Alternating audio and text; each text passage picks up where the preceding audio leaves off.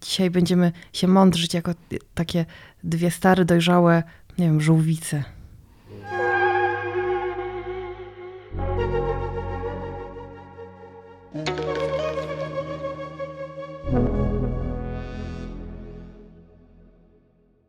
Tak, żeśmy się roztkliwiły w zeszłym odcinku nad mm, dziewczyńskością, młodością i czego to tam nie było w ogóle w tym okresie życiowym, że pomyślałyśmy, a cóż by, a cóż by powiedzieć o czasach dzisiejszych. Czy jest tak gorzej?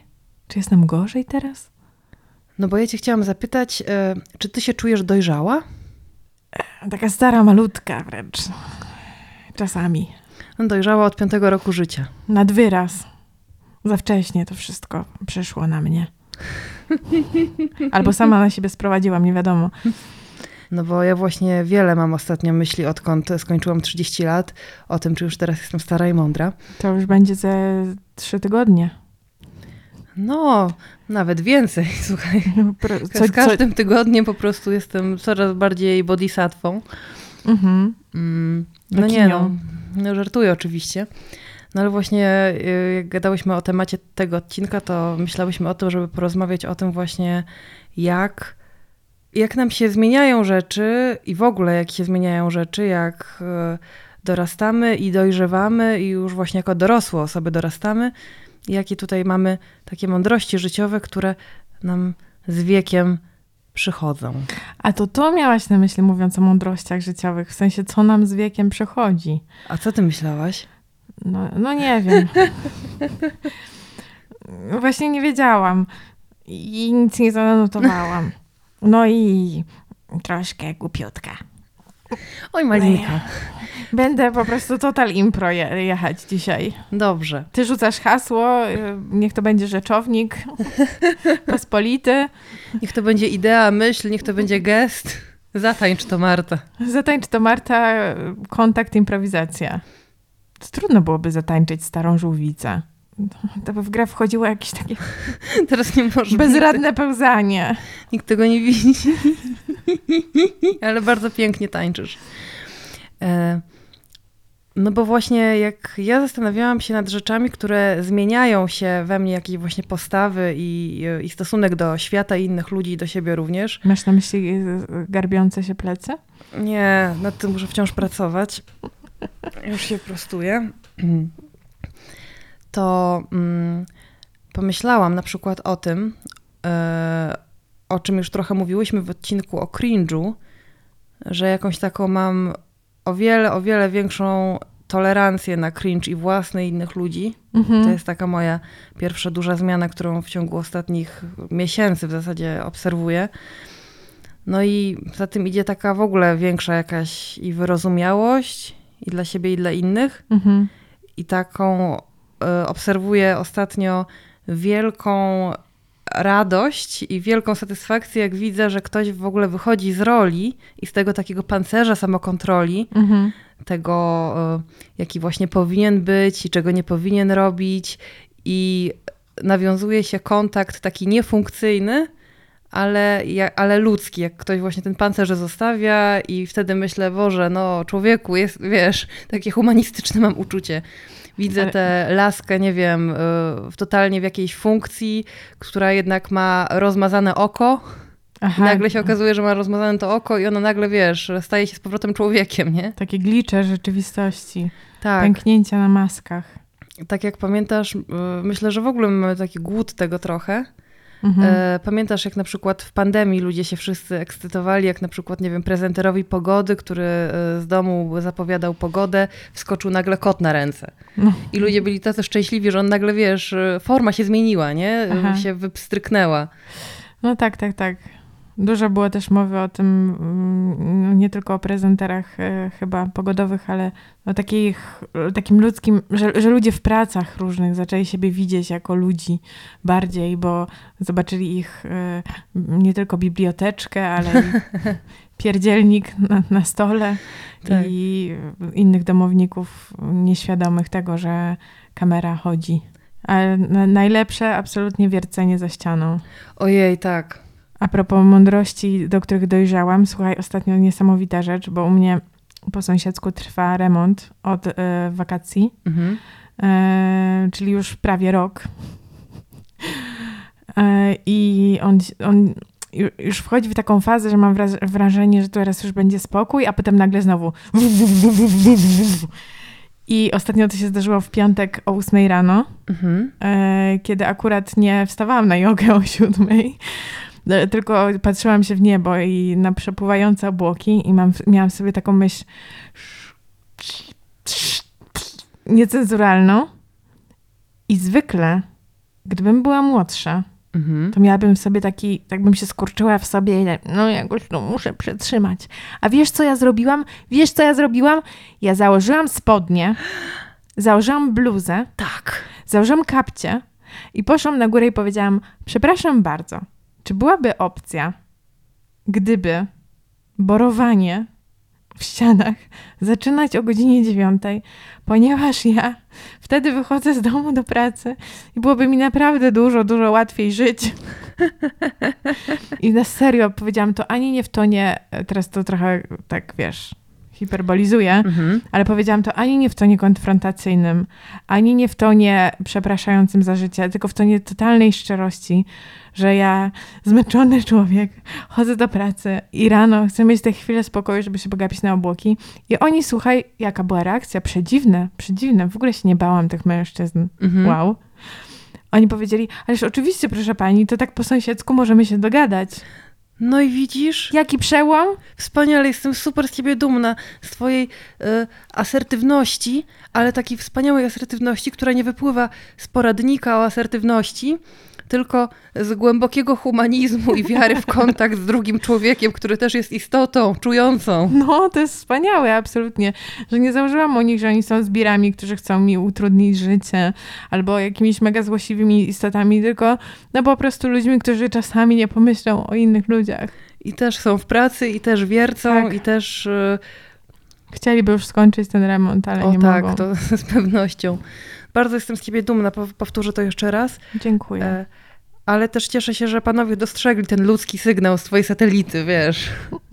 że zrozumieli na tym poziomie takich e, emocji normalnych. No a potem jeszcze przyszedł do mnie pan, którego nie było przy tej rozmowie, pan kierownik um, robót elektrycz, elektryków i powiedział coś takiego, no wie pani, to my tak naprawdę będziemy jeszcze tu tyle i tyle, więc a potem już będą ciche roboty. To najgorsze to teraz na początku. Oczywiście mówię o nas, bo jak przyjdą hydraulicy, A potem przyjdą kafelkarze i glazurnicy. ale no jakby znasz to ze swojego życia, że masz wszystko zaplanowane co do milimetra i akurat masz zaplan- zaplanowane dwie godziny leżenia do góry kołami Mhm. po prostu i w tym momencie właśnie coś się wydarza. Tak, e, znam to dobrze. E, no, No i patrz, mi się nie ulało, tylko byłam ludzka w tym. to jest, no to jest piękne. Piękna, jestem bardzo, bardzo z siebie dumna. Ja proszę teraz o rundę aplauzów, gdziekolwiek, słuchajcie, gdziekolwiek jesteście, na spacerze z psem, w tramwaju, w pociągu. Proszę o głośne brawa. My w ogóle powinniśmy mieć taki jingle z brawami, bo dzielimy się czasami po prostu swoimi sukcesami życiowymi, a dzisiaj to już będzie w ogóle chyba o tym. Poczekaj, poczekaj, o taki?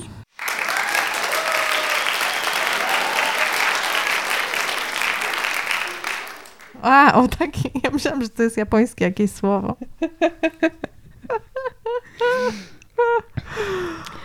E, No, ale właśnie słuchaj, a propos e, sąsiadów, e, ja, jak być może wiesz, jestem wielką fanką rozmaitych for dzielnicowych na Facebooku Mhm. i ostatnio e, spotkałam się z pytaniem na jednym z nich, już nie pamiętam, czy to był Żoliborz, czy to była Saska Kępa, czy to był Muranów, bo jestem na wszystkich. Jak bo się, we jak się- wszystkich dzielnicach. jak się wyprowadzam skądś, to ja się nie przepisuję generalnie, w sensie Marta zostawiam se- stare. To może była Wilda albo Łazarz, nie wiem, coś to było. Marta sercem świata obywatel. Tak.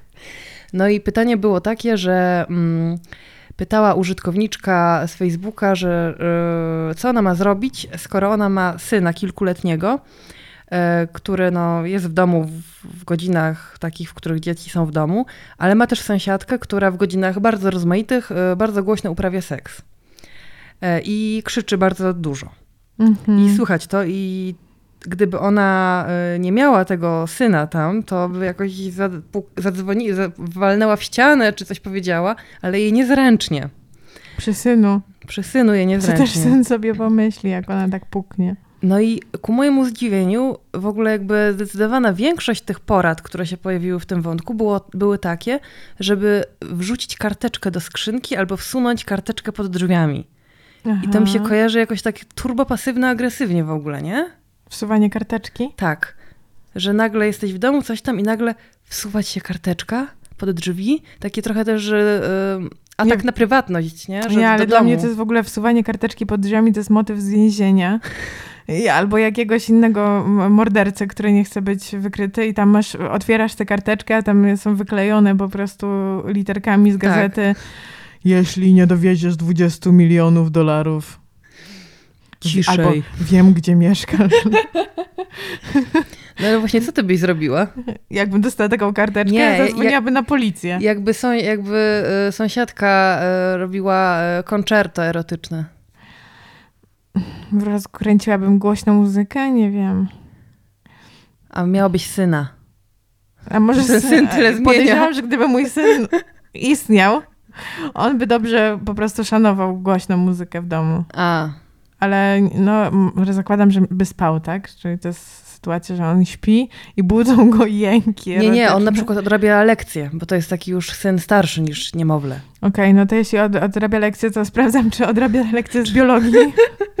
I wtedy mówię, synu, to jest zdrowy objaw. Ludzie mają seks czasami i jak pozwalają sobie, mają nie, niezablokowane emocje, to pozwalają sobie na wyrażanie spontanicznie radości. Jak ty wyrażasz radość? Jak dostajesz na przykład jajko niespodziankę i syn mówi...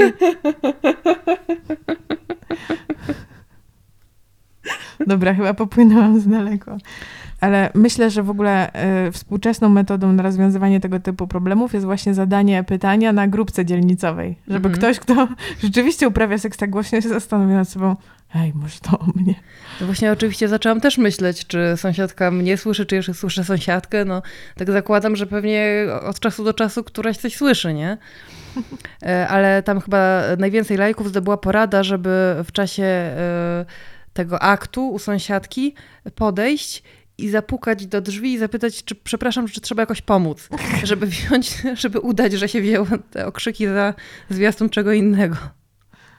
No właśnie to zależy jeszcze, jak kto krzyczy, nie? Ale nie wiem, czy chcemy w to Nie, wchodzić. nie, zostawmy.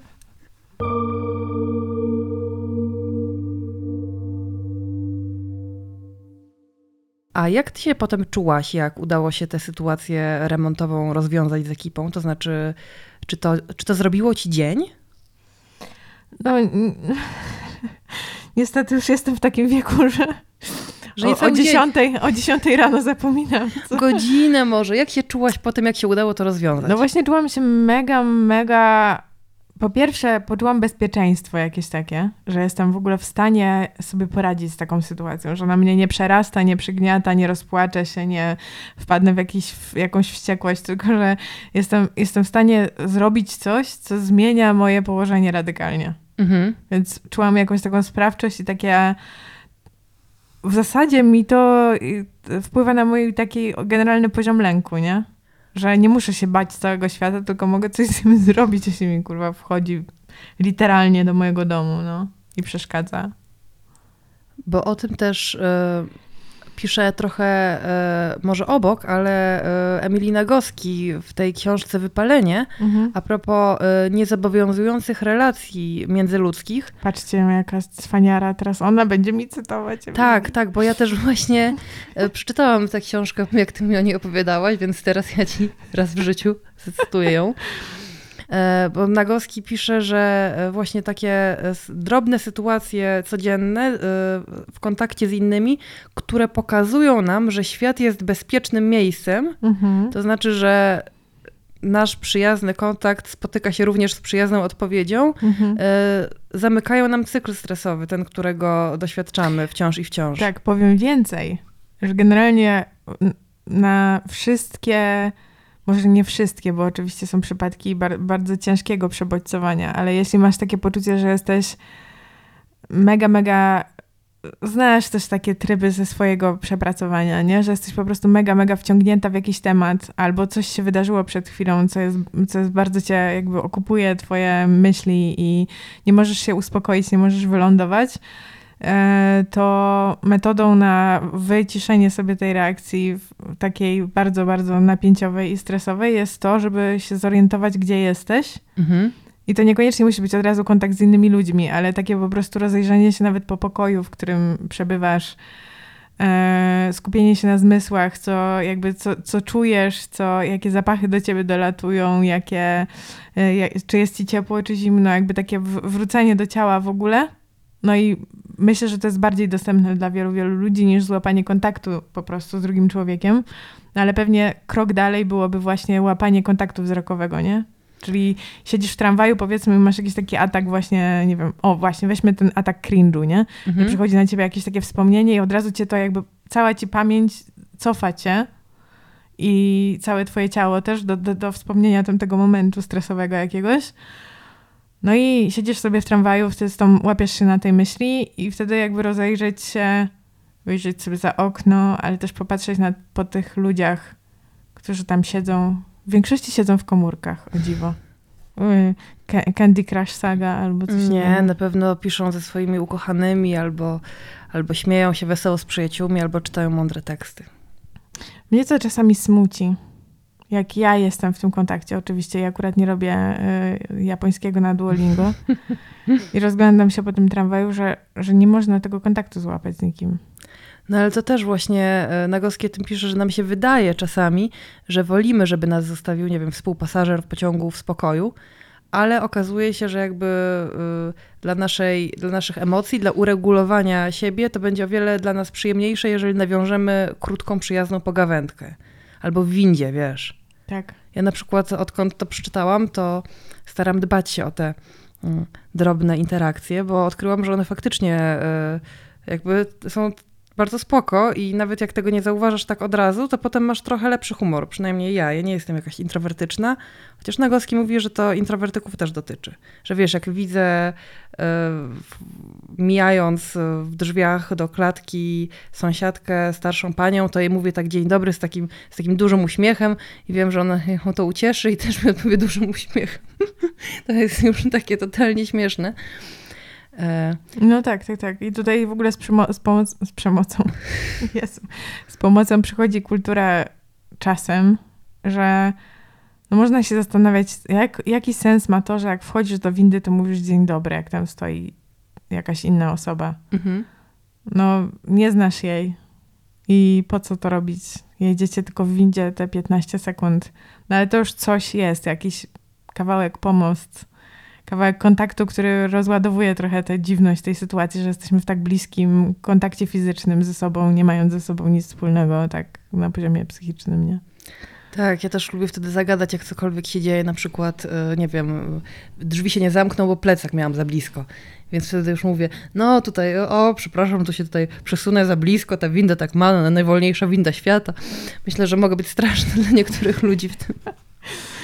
E, a chciałam Ci powiedzieć właśnie jeszcze dwie, dwie historie takie e, mikrokontaktu. Kiedy się nauczyłaś to, to robić, tak? Tak, tak. Mhm. E, znaczy może i to robiłam wcześniej, ale nie byłam taka... Nie, nie, nie odnotowałam, że ludzie tak pozytywnie reagują, nie? Aha. Na przykład jestem w żabce, kupuję zapalniczkę. Mhm. I... Czy, czy, czemu ty ciągle musisz kupować coś... coś występnego? Ale co kupowałam w ostatnim występie? Ostatnio coś mówiłaś, spec- nie wiem, już nie pamiętam w którym odcinku, ale że coś specjalistką od, win, od win. Teraz pierwsza rzecz, którą kupujesz w żabce, to zapalniczka. No. no. ale ja bym to ocenzurowała, gdyby nie to, że to jest bardzo ważne, że to była zapalniczka, bo już sprzedany towar, okay. ale pani się przypomniało, żeby zobaczyć, czy ona działa. Więc Aha. bierze i odpalają, no i nie działa. Więc odkładają i bierze jeszcze jedną i, i już tak, i ta druga też nie działa, więc sięga po trzecią i już tak właśnie tak patrzymy na siebie i się uśmiechamy i ona mówi, no bo tak fajnie było jakby działała. Mhm. A ja jej mówię, no nie, no proszę pani, no tak może warun warunek niekonieczny, spoko by było, ale też nie musi być, nie? Więc już obie żeśmy zaczęły tam uśmiechać się do siebie naprawdę serdecznie i dała mi trzecią i wyszłam, nie? Mhm. Ale to była bardzo miła interakcja, po prostu. A druga, lubię ją bardzo, ponieważ ona zadała kłam czemuś takiemu, co wyciągają często y, rozmaici y, seksiści, twierdzący, że teraz to mężczyzna to już nie może powiedzieć kobiecie komplementu na ulicy. Otóż może. Nawet jeżeli. Otóż może i ja podam przykład y, miłego komplementu od mężczyzny tak po pięćdziesiątce, który otrzymałam na ulicy jako kobieta wciąż jeszcze młoda, przed trzydziestką. E, No. Napięcie rośnie. Jakiś pan w tramwaju na mnie spojrzał i powiedział mi, miałam kowbojki brązowe takie, ale fajne buty. Mhm. A ja powiedziałam dziękuję, uśmiechnęłam się do niego, no jakby podzielałam ten pogląd. Mhm. Nie poczułam się też zagrożona. Było, było to w tramwaju pełnym ludzi i on był ewidentnie przyjazny, Mhm. E, ale on pos- postanowił pociągnąć jeszcze tę rozmowę i powiedział: Pewnie musiało majątek kosztować, co? A ja powiedziałam: Nie, to używane, to nie. I on zaczął się bardzo serdecznie śmiać, odrzucając głowę do tyłu, i też byłam bardzo zadowolona z tej interakcji społecznej. Zaczął się śmiać, że używane? Nie, zaczął się śmiać z mojego żartu w sumie. Że tak, że tak, nie wiem, to, to odebrał to, mam wrażenie, jako humor. Aha. Że ja tak, nie, nie, używane. A, jak tak mrugałaś, to... Tak mrugnęłam do niego. Bo tutaj nie wiedziałam, na czym dowcip polega, ale już teraz widzę, że mrugałaś do niego, więc... Tak, na, na tonie przyjaznym i na mrugnięciu polegał. Okej. To może z tego się śmiał. No i co? I teraz poczułaś, jak, jak ci to mm, siadło, ta nowa technika? No bardzo dobrze mi siadła. Uważam, że ludzie bardzo dobrze faktycznie reagują na, na takie mikrointerakcje wytrącające z takiego właśnie trybu idę załatwić, kupić, y, dzień dobry, dzień dobry, y, kartą zapłacę, y, jest aplikacja, nie ma, do widzenia, do widzenia. Że to jakby ten kontakt ludzki no po prostu cieszy obie strony. Tak. Być może ja nie jestem osobą, której najłatwiej to przychodzi, ale rzeczywiście nie- też jak przeczytałam to w tej książce, to zaczęłam się zastanawiać nad tym, czy może jestem w stanie zaryzykować odrobinę dyskomfortu i spróbować przełamywać mój y, taki nawyk e, spuszczania wzroku za każdym razem, kiedy muszę wejść w interakcję z jakąś osobą, którą ja pierwszy raz widzę na oczy. Znaczy nie widzę, bo spuszczam wzrok. I rzeczywiście okazało się to pomocne, no ale czasami nie mam zasobów na to zupełnie. No tak, no bo to też wiesz, w określonym humorze musisz wchodzić. Tak, ja mam też po prostu problem nadal ze stawianiem granic yy, facetom, którzy nie powiedzą mi, że mam fajne buty, tylko coś tam więcej chcą, wiesz, Mhm. zagadać. Znaczy mam, po po prostu sprawia to jakiś we mnie duży, duży dyskomfort i trochę się lękam tego, bo mam takie doświadczenia, że jak tylko po prostu złapię ten kontakt wzrokowy, to już dla nich jest nie wiadomo jaka zachęta.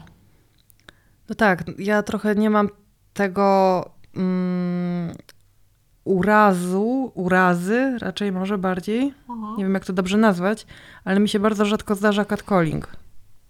Mm. Bardzo rzadko ktoś, wiesz, na mnie gwizdnie, czy powie "E, fajne coś tam, nie? Mhm. Nie wiem z czego to wynika, nie chcę psychologizować, po prostu tak chciał traf. Może po prostu jestem wysoka, więc groźna.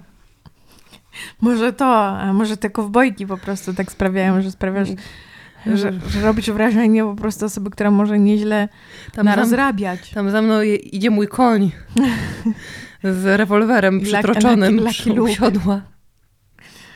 No więc ja mam niestety doświadczeń odwrotnych sporo.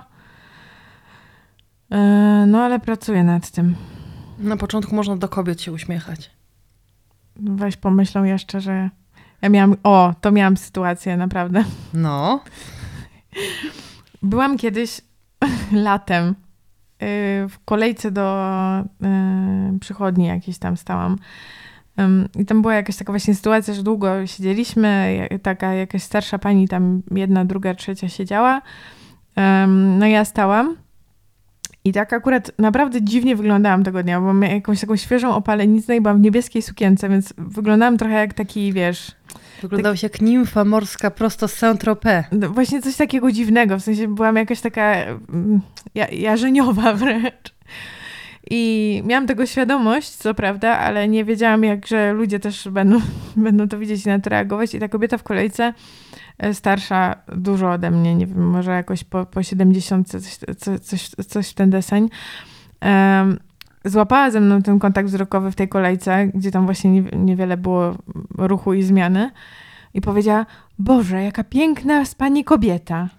No to jest przepiękne, prawda? No ale coś tam, wiesz, w tej kolejce się poruszyło, mi się zrobiło bardzo miło. Oczywiście ja powiedziałam, że, że mi bardzo miło, ale jesteśmy obie w maseczkach, to też um, charakterystyczne. I um, ona tam podeszła do jednego okienka, ja do drugiego. Ja, ja nadal stoję w tej, w tej kolejce i w każdym razie ona jakoś tam zakręciła, zakręciła i odwraca się do mnie i okazuje się, że znowu jesteśmy w tym kontakcie. I ona sobie mówi, wtedy mówi coś takiego, naprawdę, i łapie mnie za rękę i mówi, naprawdę, pani jest taka piękna. Mówi, tylko niech pani sobie nie pomyśli, że jestem jakaś ten czar, czar prysu. prysu. No i oczywiście nie jestem w sytuacji, nie mam zasobów na to, żeby ją edukować na temat tego, co ja myślę o byciu jakimś ten. Trzeba było powiedzieć, ale, ale ja jestem. Czas, no wiesz, no zabrakło mi też jakiegoś takiego... No wie, wiadomo, każdy wie, co trzeba było powiedzieć, nie? Ale kurczę, czasem warto się zatrzymać na, na, na pierwszym stadium komplementu. Ale w ogóle myślę, że też bardzo fajne są, jest mówienie komplementów starszym paniom, jak się ma zasoby na to. Mhm. Że na przykład piękny mają kapelusz albo, albo coś. Albo są po prostu piękne. Tak, pięknie pani wygląda.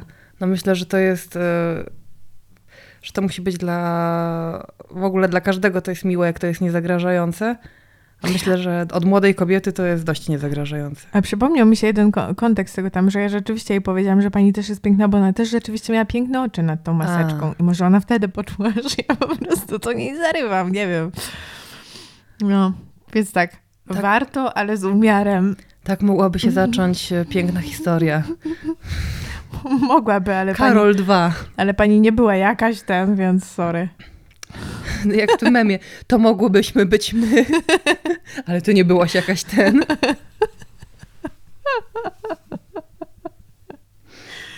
To mi ostatnio, e, jak byłam u wróżki.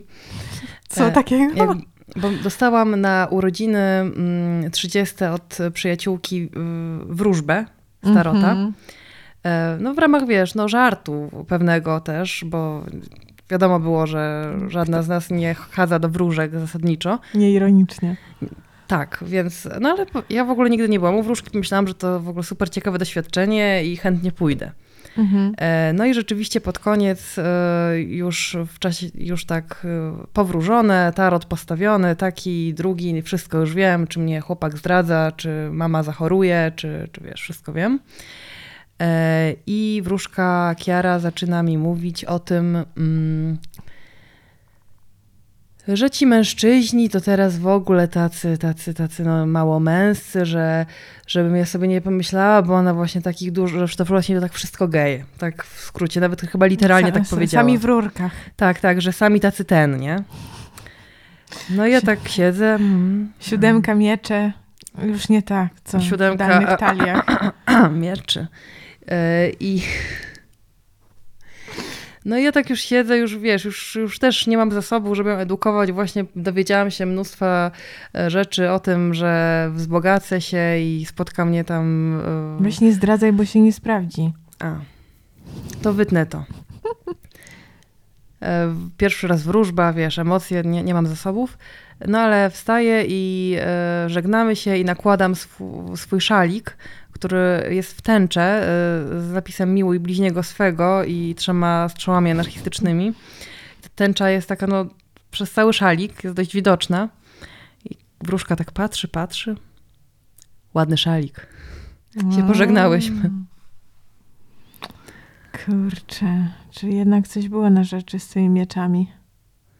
No, ale też tak trochę mnie osłabiło to, że tutaj... Yy ma być medium mistyczne, a, a jakieś takie przesądy. Hmm. Jak to wróżka i przesądy? Jak to? Co? Skandal. Ale ostatnio tarot w ogóle staje się um, jakoś już coraz bardziej samobieżny w oderwaniu od wróżek i magicznych kul. Tak, tak, bo to e, tarot to jest y, nowa astrologia. Nawet, nawet, nawet nie, nawet, nawet tyle nie. Ostatnio y, ja, ja, po prostu byłam super ciekawa, bo nie miałam y, nigdy możliwości w ogóle styczności z tarotem poza jedną sytuacją, na, kiedy chodziłam na y, lektorat języka francuskiego i tam dziewczyna powiedziała, właśnie wygadała się kiedyś, no, jak czekałyśmy na zajęcia, że ona stawia taroty generalnie. Była taka w ogóle w stylu gotyckim, bardzo się nosiła. No i mnie to jakoś za, zafascynowało. I postawiła mi takiego tarota, tak niby, na niby i powiedziała, że słuchaj, to, to nie jest zła karta. Bo tak mi tłumaczyła, jak działa, jak działa tak. tarot. Nie? I mówi, to nie jest zła karta sama w sobie. Jakby ważny jest kontekst. Gdybym na przykład wyciągnęła kolejną kartę i obok tego byłaby taka i wypowiada to słowo, to by już było źle i wyciąga i rzeczywiście jest ta, nie? On mówi, ale to jeszcze nic nie znaczy, to jeszcze nie jest jednoznaczne, bo gdyby kolejna była taka. No i wiesz, więc trochę byłam przerażona i na długo mnie to e, odsunęło, ale potem jak pojawi się, pojawiła się taka możliwość, żeby się spotkać z osobą, która sama narysowała swoją talię, mhm. E, to, to skorzystałam z tej możliwości. I e, było to super fascynujące w sumie, bo taka rozmowa o pewnych symbolach, takich głębokich strukturach wyobraźni. No tak, tak, no właśnie te, te archetypy, które też są w tym tarocie jakoś zaklęte. No więc bywa to ciekawe. Szczerze mówiąc, porównałam to, jak, jak już wyszłam stamtąd, to porównałam to naprawdę doświadczenie do bycia na znakomitym spektaklu. W sensie mhm. słuchanie tego, tej opowieści, jak ona to w ogóle układa, interpretuje, co tam ona narysowała na tych kartach. Mega. Bardzo mi się to podobało. I w ogóle nie miałam poczucia, że to jest jakkolwiek właśnie astrololo. Ale ty uwierzyłaś te, w te wróżby, które usłyszałaś w gabinecie? Wiesz co, mm, z początku byłam bardziej przejęta, a potem okazało się, że na przykład początek wróżby był bardzo, bardzo podobny do tego, który usłyszała ta moja przyjaciółka na swojej z kolei wróżbie e, na wieczór panieński. I no i tak trochę opadł mi entuzjazm do, mhm. do moich przyszłych bogactw, które mi wywróżyła wróżka.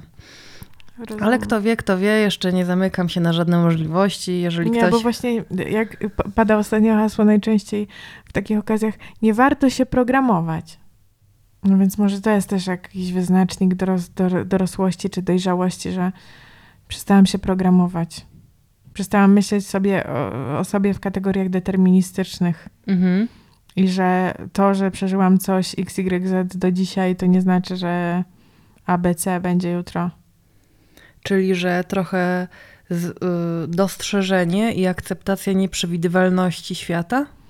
Nie tylko nie losu? Nie, nie tylko nieprzewidywalności, ale też takiej po prostu sprawstwa. Tego, że mam narzędzie do tego, żeby zmienić swój los, jakkolwiek. A, tak, to jest bardzo ważne nie musi być tak, jak jest, jak mówi y, tytuł y, es, zbioru esejów Ursuli Le Guin.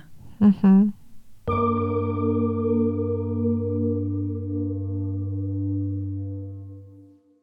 Ja też jeszcze myślałam o tym, jak taką ważną dla mnie kategorią związaną z tym, że się robię e, starsza i mądrzejsza, mm, jest reagowanie na krytykę.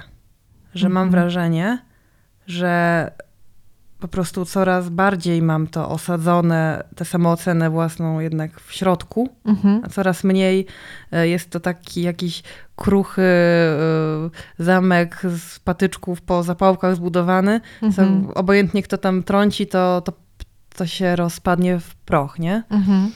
I to też wynika z jakiejś takiej e, rozkminy czy poczucia, że po prostu jakby każdy ma swoje opinie i swoje spostrzeżenia na temat ciebie, czy na temat tego, co robisz, mhm. oparte wyłącznie na jednym źródle, czyli sobie samym, swoich doświadczeniach, swoich mhm. przeżyciach, swoich opiniach na inne rzeczy, e, swoich e, można ciągnąć, nie? Uprzedzeniach też. Uprzedzeniach, czasami, schematach czasami też czasami. są też chamscy i chcą ci zrobić krzywdę. Czasami tak. Nie, wolę tego nie zakładać. Wolę zakładać, że, że, że, intencje są dobre, jeżeli nie widać, żeby były złe od razu, na przykład w sformułowaniu krytyki. Mm.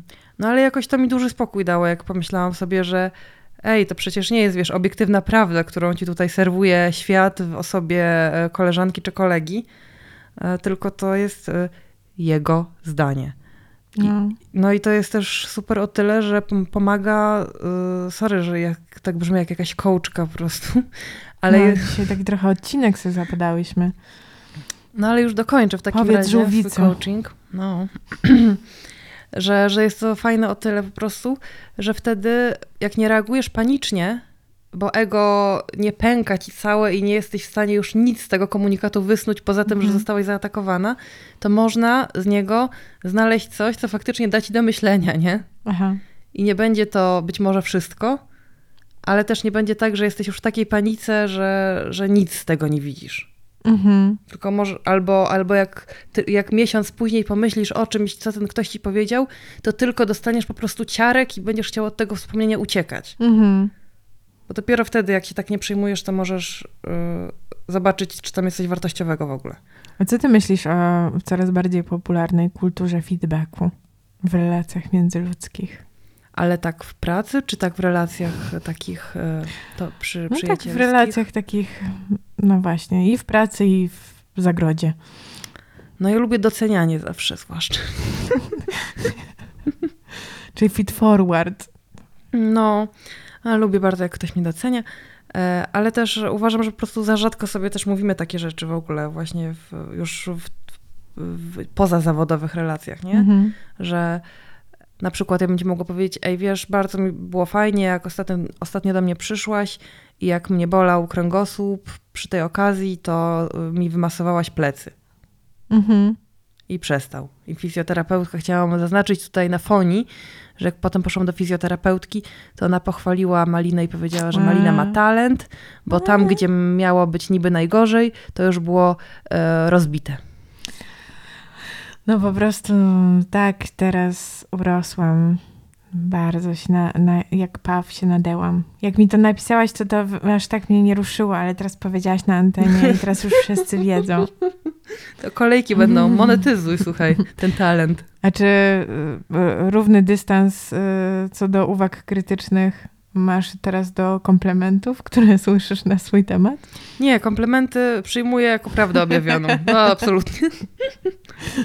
No, bo to też jest w sumie czyjaś opinia, która może być, no... Chociaż wiesz, czasami też komplementy są nietrafione. Przykład pierwszy z brzegu, jak ktoś e, chwali jakąś taką cechę, której w ogóle ty nie uważasz, że ją masz, nie? I myślisz, ta osoba mnie nie zna. no. E, albo e, patronizujący komplement. O, ty jesteś takim naszym wspaniałym kwiatuszkiem. No, albo komplement, który jest też zawoalowanym po, pojazdem. Mhm. Na przykład, o jak ładnie wyglądasz, dużo lepiej niż ostatnim razem. Nie dalej jak wczoraj widziałam komentarz pod czyimś zdjęciem na Facebooku. E, pięknie wyglądasz, nie poznaję cię. No, no.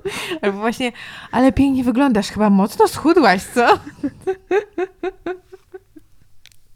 Karaczanie. Nie, no ale najgorsze to są naprawdę takie, jak patrzę na kogoś, myślę, Boże, i ty mienisz się moją przyjaciółką? Nic o mnie nie wiesz, nic o mnie nie wiesz. Dziękuję ci, że jesteś taka radosna. No, ja już spotkałam się z bardzo wieloma formami, e, przejawami kultury feedbacku.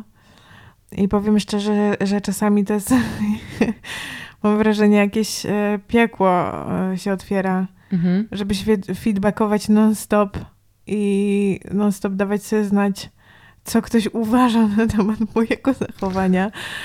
Um, jestem już, trochę mnie elektryzuje hasło um, kultura feedbacku i czy um, czy możemy się więcej feedbackować? Takie Jezu, proszę nie. Chcę dotrwać do kolejnego tygodnia. Ale opowiedz o tym jeszcze, mów o tym, no, proszę. No, no że, że po prostu wkradła się, mam wrażenie, razem z i znowu wyjdę na osobę, która demonizuje terapię. Absolutnie nie. Ale wkradła się e, w, jakoś w relacje osób, które mogą sobie pozwolić na terapię um, i są w niej dopiero co. Wkrada się taka mm, chęć po prostu przewartościowywania wszystkich relacji natychmiast i takiego, a bo ty jak mówisz tak, to mi to robi coś tam, coś tam i to nie jest raz podczas sesji jakiejś, kiedy sobie wywalamy, tylko na co dzień, na e, o każdą pierdołę, e, właśnie takie ustawianie i korygowanie wszystkich i wszystkiego dookoła siebie według swojej jakiejś linijki. Metakomentarz na temat każdego Tak. zdania. Jezu, i, i już nie jesteśmy w komunikacji, już nie rozmawiamy o tym, tylko rozmawiamy o rozmowie o tym. Mhm. I no, mnie to potrafi naprawdę doprowadzić do czarnej rozpaczy. Tak. Ym, Bo też zdaję sobie sprawę, że to jest taka trochę jakby nie, niekomunikowalna rzecz. Że to jest dla mnie ciężkie, bo wiem, dlaczego ta osoba to tak robi, no nie? W sensie wiem, bo jest w takim punkcie życiowym, że potrzebuje sobie to wszystko na nowo poopowiadać i uporządkować. I czerpię z tego ewidentnie dużo radości, korzyści i pewności siebie i, i wiem, że to jest dobra droga, ale no ja pierdzielę. Tu i teraz dla mnie jest to po prostu masakra. No być może po prostu czasami nasza relacja nie jest aż tak głęboka, żebyśmy musiały opowiadać sobie, wiesz, wszystko i się jakoś radykalnie przekształcać nawzajem. Tak, a w ogóle też w takich kwestiach komunikacyjnych mam wrażenie, że bardzo spoko jest jednak, e, jeżeli się w głowie coś zauważy i potem nie, nie musisz wszystkiego mówić jakby od razu, nie? Możesz pomyśleć nad tym. Zawsze, I to jest w ogóle cenna zasada moim zdaniem w rozmowach z innymi, której często nie stosuję, ale Ale ostatnio poczułam się trochę jak naprawdę boomerka, no. kiedy w gronie osób e, trochę starszych ode mnie, ale zaczęłam właśnie nadawać na to, że naprawdę nie rozumiem e, tego, co się ostatnio wydarza wokół mnie czasami. Kiedy osoby w ramach właśnie idei jakiejś takiej radykalnej szczerości zaczynają walić prosto o, wo, pomiędzy oczy osobom, których, z którymi nie łączy ich bliska relacja, jakieś takie komunikaty naprawdę dojmującej krytyki. A, czyli rozpierdala mnie to, kiedy robisz coś tam. Albo po prostu uważam, że to jest. Pytasz mnie, jak to wyszło? Uważam, że to jest beznadziejne i bez sensu. No, trzeba może rozgraniczyć jednak e, prostą nieuprzejmość od szczerości. No właśnie, to moim zdaniem te kurde, te granice się przesuwają jakoś ostatnio. Kurczę, to, to jest niepokojące bardzo. Że już nie ma w ogóle jakiejś takiej. Yy, oczywiście wiem, jak to brzmi, wiem, jak to brzmi, słuchajcie, wiem, jak to brzmi, bo sama to słyszę, ale po prostu, że y, zdarza mi się już być w takich kontekstach, w których ktoś prosi o feedback dotyczący spraw merytorycznych jakichś i odpowiedź, którą nieoczekiwanie dostaję, to jest odpowiedź z gatunku nie, mi się to nie podoba. Nudzi mnie to. Jakby nie doce- jakby w ogóle nie słysząc tego, jak to może Wypaść. na przykład wiesz, y, można to w różny sposób ująć, że po prostu doceniam twój. Ale to akurat nie jest taki rodzaj czegoś tam, który mnie interesuje, ale widzę jak to, nie wiem, jakiś taki rodzaj Kanapki. kanapki, W sensie, jakiegoś- że to y, mięsko krytyki Tak. opakować dwoma bułami. jeśli już gdzie ktoś o to prosi, to nie po to, żeby mu z kopa po prostu wyjechać, no. No jakby to też jest właśnie y, okej, spoko, powiem szczerze, y, co myślę i będę tak mówił szczerze, bardzo szczerze i teraz każdy tak będzie sobie mówił i teraz y, czy świat będzie przyjemniejszym miejscem, czy takim, w którym trzeba być czujnym jak zając, bo nie wiadomo, kto cię kiedy walnie młotkiem w głowę.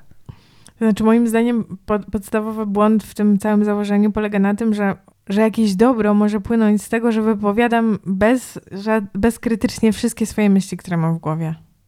Moim zdaniem jednak czemuś służy zapośredniczenie pomiędzy moją emocją a tym, co wypada z mojej buzi czasami. To jest y, z takich y, jakby fantastycznych scenariuszy życiowych, to jest jeden z moich największych lęków, No. że moglibyśmy sobie czytać w myślach. Tak, albo tak, widzieć tak, w tak, takich tak. dymkach nad głowami, co kto myśli.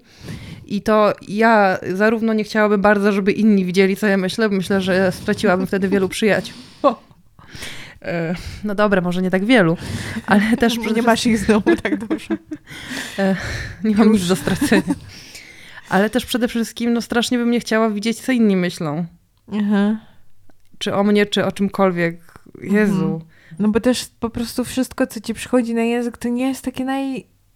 To, to samo w sobie nie stanowi jeszcze po prostu ukształtowanej rzeczy. Czasami działasz odruchowo, czasami działasz na zmęczeniu, czasami działasz i to nie znaczy, że to jest od razu, musi to płynąć dalej w świat. Że warto to jednak przez coś przefiltrować. No, no tak, czyli też właśnie y, trochę od drugiej strony podchodzimy do tego, o czym już mówiłyśmy, że jakby twoje pierwsze wrażenie y, slash opinia na temat czegoś y, jest nie tylko wynikiem twoich y, doświadczeń i poglądów, ale też wynikiem po prostu momentu, nie? Tak. Ale... Jest w ogóle no, emanacją te, ciebie jako osoby w tym konkretnym punkcie w czasie i może nie być w takim razie najtrafniejsze zawsze. No i a propos tego punktu w czasie też, że nie jesteś do końca jakby centralną postacią na świecie, że są też inne zdania, że są też inne wartości. Nie, no jakby po prostu mam z tym jakiś spory problem i, i wiem, z czego to się bierze, wiem, mam wrażenie, jaka jest podbudowa moralna tego, ale uważam, że outcome czasami wychodzi bardzo, bardzo, znaczy efekt tego jest zupełnie odwrotny z założeń. Zamiast mm. przybliżać, to oddala ludzi moim zdaniem i zamyka. No chyba w ogóle jakby komunikaty warto przepuścić przez y, taką myśl, którą bardzo wielu ludzi po prostu ma, nie musi sobie o niej przypominać, czyli czy to sprawi, że druga osoba poczuje się chujowo. No tak. Że też komunikacja ostatecznie nie jest o tym, żeby bezkrytycznie siebie wyrażać. To nie jest o indywidualnej ekspresji, tylko o komunikacji do cholery. No ale właśnie, bo to wydaje mi się takie zupełnie niepierwotne, nie? że jednak yy, w sensie myślę, że jakby u zarania dziejów człowiek jednak dbał o to, żeby ludzie, z którymi się spotyka, inni go lubili, nie?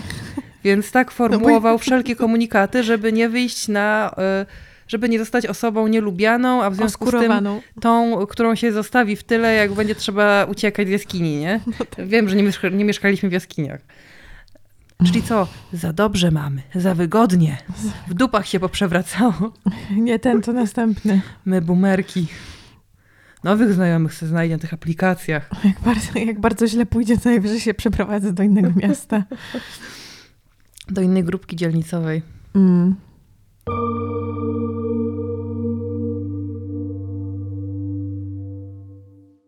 No ale słuchaj, być może moje największe odkrycie, yy, i nie chcę tutaj mówić, że to mi się nigdy nie zmieni, bo podejrzewam, że na którymś momencie życia to się może zmienić, ale to jest ostatnio to, jak bardzo w ogóle życiodajne są bliskie relacje z ludźmi. I nie tylko mhm. właśnie te niezobowiązujące, o których mówiłyśmy, bo to jest trochę tak obok, ale jednak e, w miarę jak jakby mam już taki ulepiony krąg osób, e, o których wiem, że są naprawdę mi bliskie i którym mogę bardzo dużo powiedzieć, to jednak czuję, że jakby totalnie bliska rozmowa to jest tak życiodajne, że to nie wiem, jak to w ogóle można bez tego, nie? Mhm. W sensie to y, nie sądziłam, że to jest aż takie ważne. Mhm.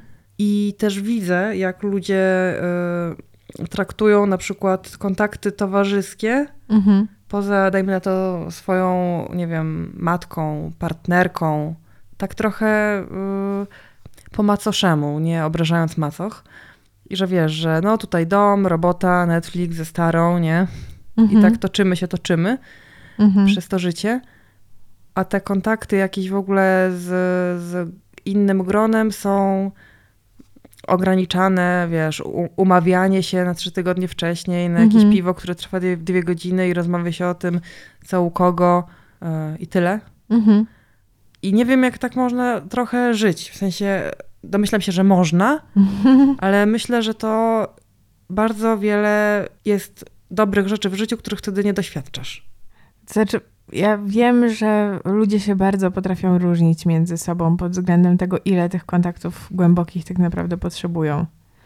E, bo prawdą jest to, że generalnie jako gatunek, mhm. to my jesteśmy e, trochę społeczni, a trochę tacy indywidualistyczni. Mhm wiesz, jak sobie wyobrazić jakieś tam możliwe spektrum, gdzie na dwóch przeciwnych biegunach jest bycie bardzo, bardzo społecznym i bycie bardzo, bardzo indywidualistycznym, no to my jesteśmy gdzieś tam, wiesz, po prostu po środku. I to jest bardzo też osobnicze i zależne od naszych jakichś uwarunkowań, tego jak działa nasz mózg, ale też naszych jakichś doświadczeń. I są ludzie, którzy będą mieli jedną jakby bliską osobę przez całe życie i, i będą się z tym czuły świetnie i nie będą czuły braku. Są takie osoby, które będą miały tych relacji mnóstwo przez całe życie i nadal będą szukać kolejnych, bo tak są akurat ustawione. I wydaje mi się, że po prostu mo można zupełnie być perfekcyjnie szczęśliwym człowiekiem, mając tylko jedną bliską osobę, a poza tym takie powierzchowne relacje. Albo nawet nikogo nie mieć. Znaczy, to akurat nie wiem. e, ale, ale wydaje mi się, że są, są takie osoby, które po prostu tak mają. To znaczy, ja nie chcę w tym momencie jakoś disować No. nikogo, kto nie ma wysokiej potrzeby y, intensywnych relacji, nie? Mhm. W sensie to jest jakby absolutnie uprawnione. Ja Mhm. po prostu mogę mieć inną Mhm. postawę życiową. No ale na pewno jest to dla mnie w ogóle y, ważne ostatnio, żeby takie relacje, które są takie w miarę towarzy takie towarzyskie, Mhm. a czuję, że coś tam fajnego może z tego być, celowo pogłębiać. I myślę, że to mi, że to dużo fajnego mi daje i że to w ogóle e, można tak samemu robić, nie? że to nie jest takie. Okej. No No i jak się do tego zabierasz, do tego pogłębiania? Po prostu zapytać, czy e, ej, to chcesz iść na piwo albo na, wiesz, e, kawę, a ej, a może chcesz do mnie wpaść coś, wiesz, tak w ogóle na chillaksie, nie? Mhm. I ludzie często chcą Mhm. i można porozmawiać w dwie osoby i potem z czasem się zakolegować bardziej. I to w ogóle działa, nie? Jakby to nie jest rocket science. E, oczywiście wiadomo, że, że ludzie też mają różne bajasy i, nie, i z różnymi osobami chcą nawiązywać te kontakty w różnym stopniu, nie? Tak. Ale, ale jakoś tak. Też właśnie z koleżanką ostatnio rozmawiałam, która powiedziała, a mam nową koleżankę. I wtedy poczułaś I- zazdrość. Nie, i w ogóle nie poczułam zazdrości, tylko zapytałam, a jak się stała twoją nową koleżanką? I ona mi powiedziała, a napisałam, czy wyjdziemy. A bo tak jakoś ją pozn- poznałam taką laskę i pomyślałam, że jest fajna i zapytałam, czy wyjdziemy. No i teraz mam nową koleżankę. No i spoko, nie? Bardzo. Nie wiem, że teraz proste rzeczy, jakieś takie mówię dziecinne, może i naiwne. Nie no, dlaczego? Myślę, że good for you. No nie, ale po prostu jakoś te... Ale powiedz, może powiedz, jeśli ci się to wydaje po prostu za mało pogłębione, to może powiedz po prostu, co ci, co ci to daje i na czym się zasadza ten, te, te, ta korzyść.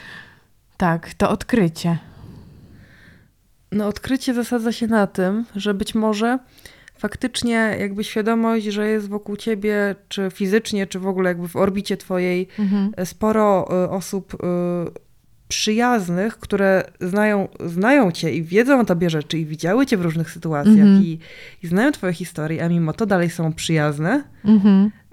to to myślę, że zwiększa poczucie bezpieczeństwa w świecie. To był bardzo niespodziewany dla mnie twist. Wyzwą tobie różne rzeczy, a mimo to cię lubią. Y, No ale też to jest dla mnie jakoś super karmiące w ogóle, Mhm.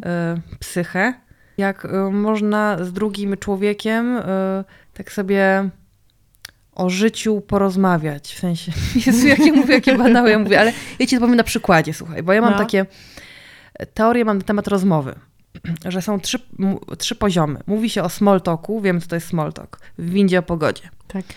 E, Jest e, przeciwieństwo, czyli jakby taka głęboka rozmowa, że człowiek siedzi z Mhm. drugą osobą, ty i ja siedzimy Mhm. o godzinie, a obojętnie której, Tak. ale rozmawiamy cztery godziny i rozmawiamy po prostu o świecie, o życiu, wysnuwamy na podstawie jakichś sytuacji, które nam się przydarzyły, e, albo historii ludzi, albo obejrzanych rzeczy, czy przeczytanych książek, jakieś po prostu teorie swoje, nie? Mhm. mikroteorie i, i omawiamy to, jakby y, myśl, myśl biegnie tam, nie? Mhm. A pomiędzy tymi dwie, dwoma biegunami jest jeszcze średnia rozmowa Aha. i ja uważam, że ona jest najgorsza, bo Mhm. small talk to wiadomo o czym jest, nie? Nikt go nie weźmie za coś większego. Mhm. Ale ta średnia rozmowa to polega na tym, że się z kimś spotykasz i rozmawiacie tylko o tym, co się komu wydarzyło, u kogo, Aha. albo o innych ludziach, albo o takich wydarzeniach ze świata, albo że o serialach, ale nie, co sobie pomyślałaś oglądając ten serial Mhm. i kim dla ciebie jest Alice The Last of Us i co jest tam ciekawego w tej postaci Mhm. i dlaczego to jest ciekawe i jak to jest skontrastowane z, Mhm. z dzisiejszą dziewczynką w naszym świecie czy cokolwiek, Mhm. tylko a jest taki serial, no fajny jest, no fajny, polecam. I wiesz, i nie wychodzisz w ogóle na poziom rozkminy jakiejkolwiek Mhm. w tej rozmowie, tylko ciągle rozmawiacie o wydarzeniach i ludziach. No wiem, wiem. Wie- Teraz wiem o co ci chodzi. Jakby przypomniała mi się bardzo wyraźnie, jak podałaś te, te, e, te ramy. Przypomniały mi się bardzo wyraźnie takie rozmowy, których ja nie wiedziałam, gdzie oczy podziać. Bo już wytaczam po prostu dziesiąty temat i on też nie chwyta. Ale to bardzo często jakby wynika moim zdaniem z e, nawet nie z charakteru relacji, tylko po prostu z kondycji danej osoby. Ale kondycji ludzkiej, czy kondycji danego dnia zmęczenia i tak dalej? kondycji e, zmęczenia i tak dalej, ale czasami to jest długotrwałe. W sensie, no, mi też się zdarza, nawet z osobą, którą jestem bardzo blisko, być takim warzywem. Mhm. E, sorry za to pejoratywne określenie, ale że po prostu jakby ktoś do mnie mówi, ale ja nic nie jestem w stanie tego pociągnąć dalej, bo po prostu jestem mentalnie wytrepana kompletnie, no. Tak, tak, to, ja, to każdy tak ma, to jest absolutne, absolutnie wiadomo. Chodzi mi po prostu o to, że z niektórymi osobami możesz wejść na ten poziom głębiej, nie? Na ten Aha. poziom rozkminy. Aha. I wiesz, że to jakby jest y, w waszej relacji z tą drugą Mhm. osobą y, pewnego rodzaju normą, nie? Standardem. Mhm. A wiadomo, że czasem każdy jest umęczony jak koń. Ja z tymi głębokimi rozmawia- rozmowami jestem może z wiekiem ostrożniejsza, jak już tak mówimy o naszych zmianach z biegiem czasu, że jednak zdarzyło mi się spotkać z bardzo dużym rozczarowaniem Mhm. ze strony osób, z którymi pozwoliłam sobie na jakąś taką jedną posiadówę, że ja nie chcę tego kontynuować. A. Ty, ty wiesz to, to o mnie, że mam dosyć dużą łatwość takiego, że no po prostu jesteśmy na jednej imprezie albo coś tam i gdzieś tam siądziemy sobie w kącie przy piecu i przegadamy tak ileś godzin, Tak.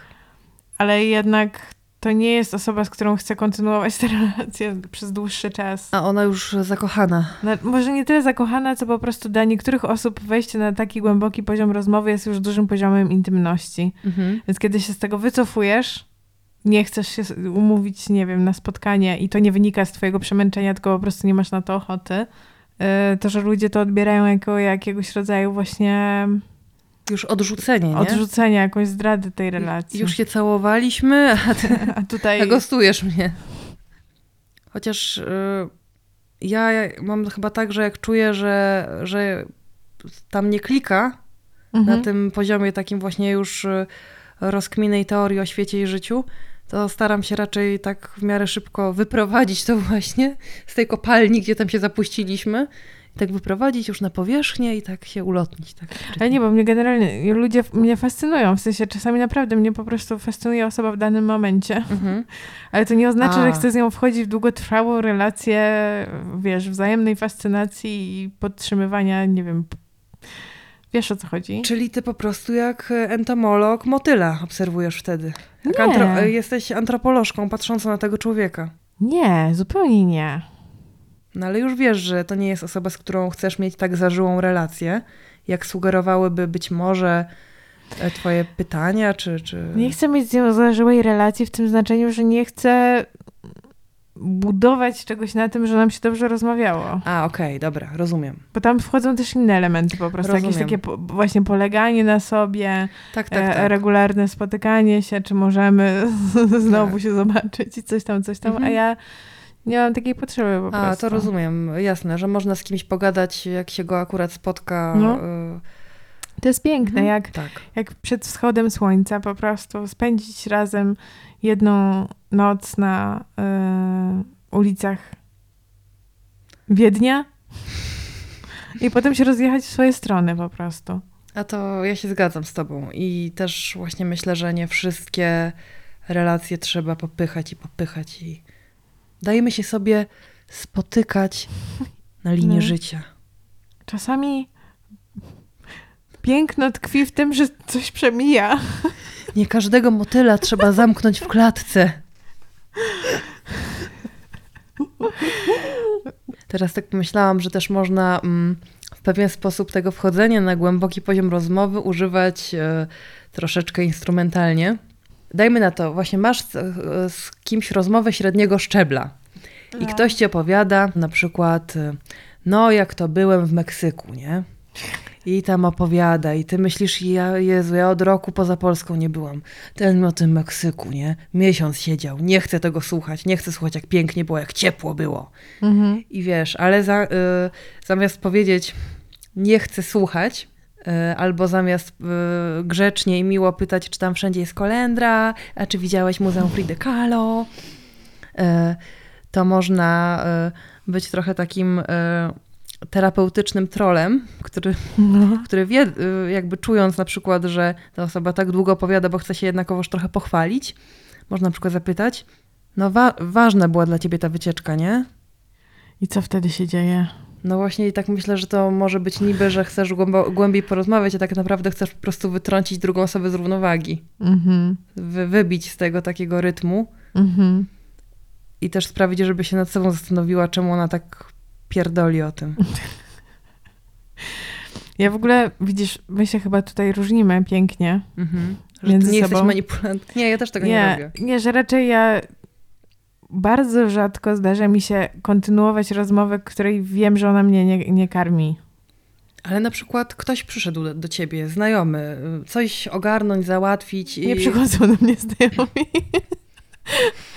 Szczerze, gdybym miała taką historię z tym Meksykiem, to nie dawałabym za wygraną, żeby zadawać pytania, które mnie, na które odpowiedź mnie naprawdę interesuje. Czyli, a co tam jest fajnego do zobaczenia, a jak tam pachnie, a co, co zjadłeś, a czy coś tam, coś tam. Zupełnie nie zadawałabym generycznych jakichś tam pytań przewo- z przewodnika, tylko, znaczy w sensie, wiesz, takich, żeby, żeby miło się rozmawiało, Mhm. tylko zadawałabym takie pytania, które naprawdę mnie, na które odpowiedź naprawdę mnie interesuje. A jakby się okazało, że ta osoba tam pojechała i przez cały ten wyjazd nie zobaczyła niczego, co, co ja bym zobaczyła, mm, no, nie wiem, jaki bym sobie dała limit pytań, ale po pewnym momencie bym odpuściła pewnie, no. Kurde, ja chyba jestem naprawdę jakaś wypaczona. Ja myślę o korzyści, które mogę wynieść z tej rozmowy, a nie to, jak ta osoba się czuje ze mną rozmawiając. Ale bo to jakby ja absolutnie to rozumiem, bo wartość rozmowy, jeżeli to nie jest y, twoja kompletnie najbliższa osoba, o której interesuje cię wszystko, Mhm. to wartość rozmowy zasadza się albo na tym, że ona jest y, zabawna i rozluźniająca, albo na tym, że jest informatywna. Więc jeżeli już nie jest zabawna i jeszcze zamiast cię rozluźniać, to, to cię denerwuje, no to nie chociaż przekaże jakąś wiedzę. No. No nie, ale nie, ja bym chyba faktycznie zapytała, czy to było dla ciebie ważne, tam, że tam pojechałaś? I czekała, nie? Że Ale czekałabyś licząc, że powie, że, że, nie, że nie wie. Powie... Nie, czekałabym, y, na dwoje babka wróżyła, nie? Jak mówi ludowe porzekadło. Albo ktoś pomyśli, powie, a wiesz co? Tak, bo, bo nie wiem, bo chciałem tam pojechać bardzo dla, z jakiegoś tam powodu, albo bo to było dla mnie ważne, bo, bo cokolwiek, albo bo nigdy nie byłem poza Europą i to w sumie, kurde, tak, taki trip, że jakby skomunikujemy się na tym humanistycznym jakimś poziomie, Mhm. a nie na poziomie relacji z mojej fajnej podróży, którą ci przekażę, chociaż ty nigdzie nie byłaś ostatnio. E, No. albo, więc albo z tego wyjdziemy, albo już będę wiedziała, że po prostu sprawa jest przegrana i nie ma co tutaj drążyć i siedzieć. Mhm. Jak ktoś powie, no wiesz, no ważne, ważne. E, No i właśnie słuchaj, do tam nurkowanie w oceanie. Mhm. Więc wtedy to już e, składam broń i spieszę się. Zawsze mam też sobie jakiś taki. Zastanawiam się nad motywacjami tej osoby czasami. W sensie, jeśli ona generuje z siebie treść, e, która w żaden sposób ma mnie nie angażować, tylko to jest po prostu taki słowotok, Mhm. na przykład właśnie relacja z podróży typu, to się zastanawiam, jaka jest motywacja tej osoby. Czy, czy przez przypadek nie jest tak, że ona na przykład się czuje w obowiązku ze mną podtrzymywać tę rozmowę i tak po prostu nadaje, żeby zagłuszyć ciszę po, po mojej stronie. No ja myślę, że motywacje mogą być różne, nie? Ta podróż to też jest chyba takim dobrym przykładem tej różnorodności, bo, No. Bo albo właśnie chcesz zagłuszyć ciszę, albo chcesz się pochwalić, albo y, w ogóle czujesz, że po podróży należy opowiadać innym świat, bo tak z domu wyniosłeś, bo były, nie wiem, pokazy przeźroczy, nie? Mhm. U wuja. Mhm. Ale myślę, że to, że ludzie nie znoszą ciszy generalnie, y, to jest ważna, ważna i częsta motywacja gadania. To jest też, też dla mnie jakiś taki komponent starzenia się. No, bez Mm. przesady. Spojrzałam teraz na twoje siwe włosy. Moja Andy McDowell. Że kiedyś chyba miałam większą taką skłonność do takiego nerwowego zagadywania, ciszy. Mhm. A teraz sobie po prostu pozwalam na to, żeby odstąpić od kontaktu. Albo po prostu go na chwilę zapauzować, nie mówiąc nic, tak mi się wydaje. To pewnie, wiesz, im mniej się boimy, że coś jest nie tak, a mniej się boimy, że coś jest nie tak, bo mniej się czujemy zagrożone, bo mamy wyższą samoocenę w ramach jak dorastamy, to tym mniej czujemy, że trzeba zagadywać. Bo cisza nie oznacza zagrożenia wtedy, nie? Ale tutaj kilkupiętrowa jest e, relacja przyczynowo-skutkowa. Wielka teoria rozmowy. Jest small talk, middle talk, deep talk i No talk. connection lost. Słuchaj, są ludzie, którzy by z tego zrobili książkę i ją sprzedawali na Amazonie za 45 No dolarów. No bo w ogóle nie mamy myślenia biznesowego, słuchaj. Mm, Kochane potencjalne matronki, kochani potencjalni patroni, no bądźcie dla nas łaskawi. Kompletnie nie umiemy kapitalizować naszych pomysłów, więc rzućcie groszem. Bo to nie jest tak, że żywimy się energią kosmiczną. Ten umysł musi jeść. Jezus. Dzisiaj my wstydu nie mamy. Potrzebujemy masła. No i dziękujemy Wam za wsparcie obecne. Nieustające wsparcie. I standardowe tutaj e, wymienienie teraz e, nastąpi e, naszych imiennych patronów i matronek. A może zróbmy właśnie niestandardowe. A, to zróbmy niestandardowe. A jak ty byś myślała? Na przykład mogę zaśpiewać te nazwiska. Tak, ale to ja ci... Ja będę po prostu wokalizować.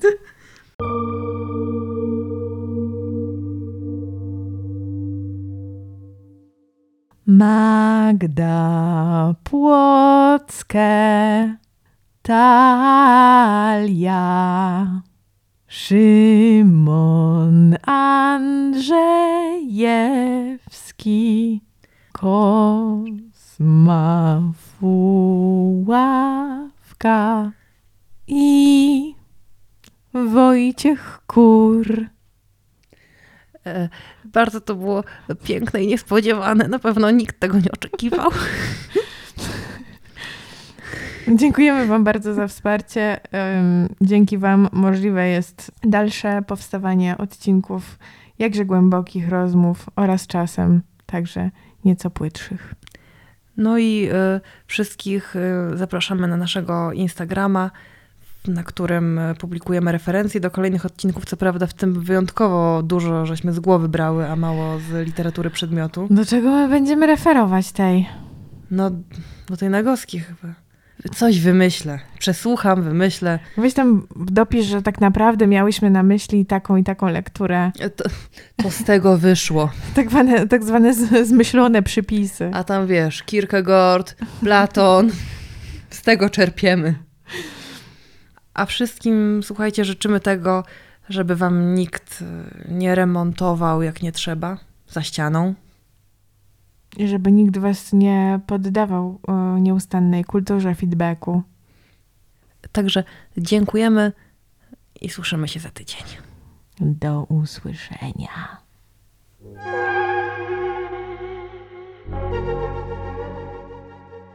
Thank